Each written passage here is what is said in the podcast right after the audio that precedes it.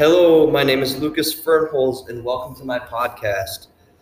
Um, I recently just got diagnosed with a very real disease called addictive disorder.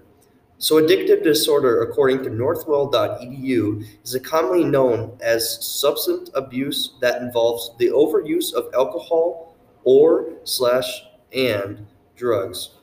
In my case, I struggle with alcohol use disorder. I have a huge problems with controlling when I drink.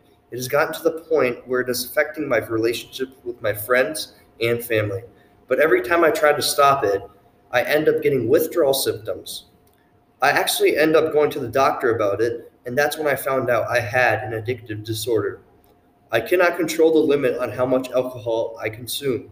I always have an urge to crack multiple beers when I come home from a long day at work.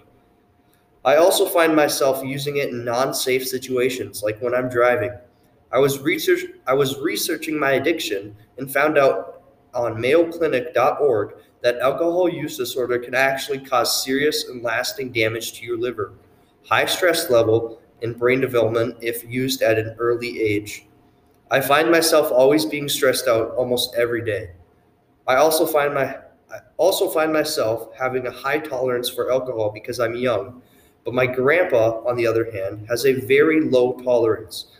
According to Mayo Clinic, alcohol use disorder can run through your family, and I find it that very interesting because I have that. I find myself lacking at work and having relationship problems with my family because of this disorder. I have been wanting to quit for a very long time now, and according to Mayo Clinic, I'm going to have withdrawals. I'm possibly going to need counseling, have to take oral medications, injection medications, and continuing support. If you were to take anything out of this, take away this. Addictive disorders are patterns of abuse that involve problems when trying to stop.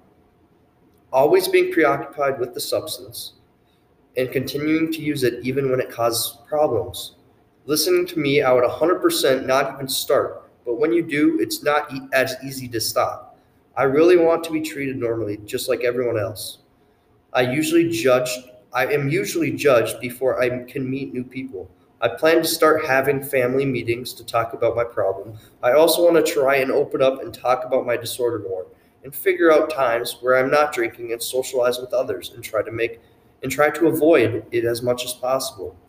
Thank you for tuning into my podcast. Please check out next week where we have a different disorder to check out. Thank you for listening and have a good rest of your day.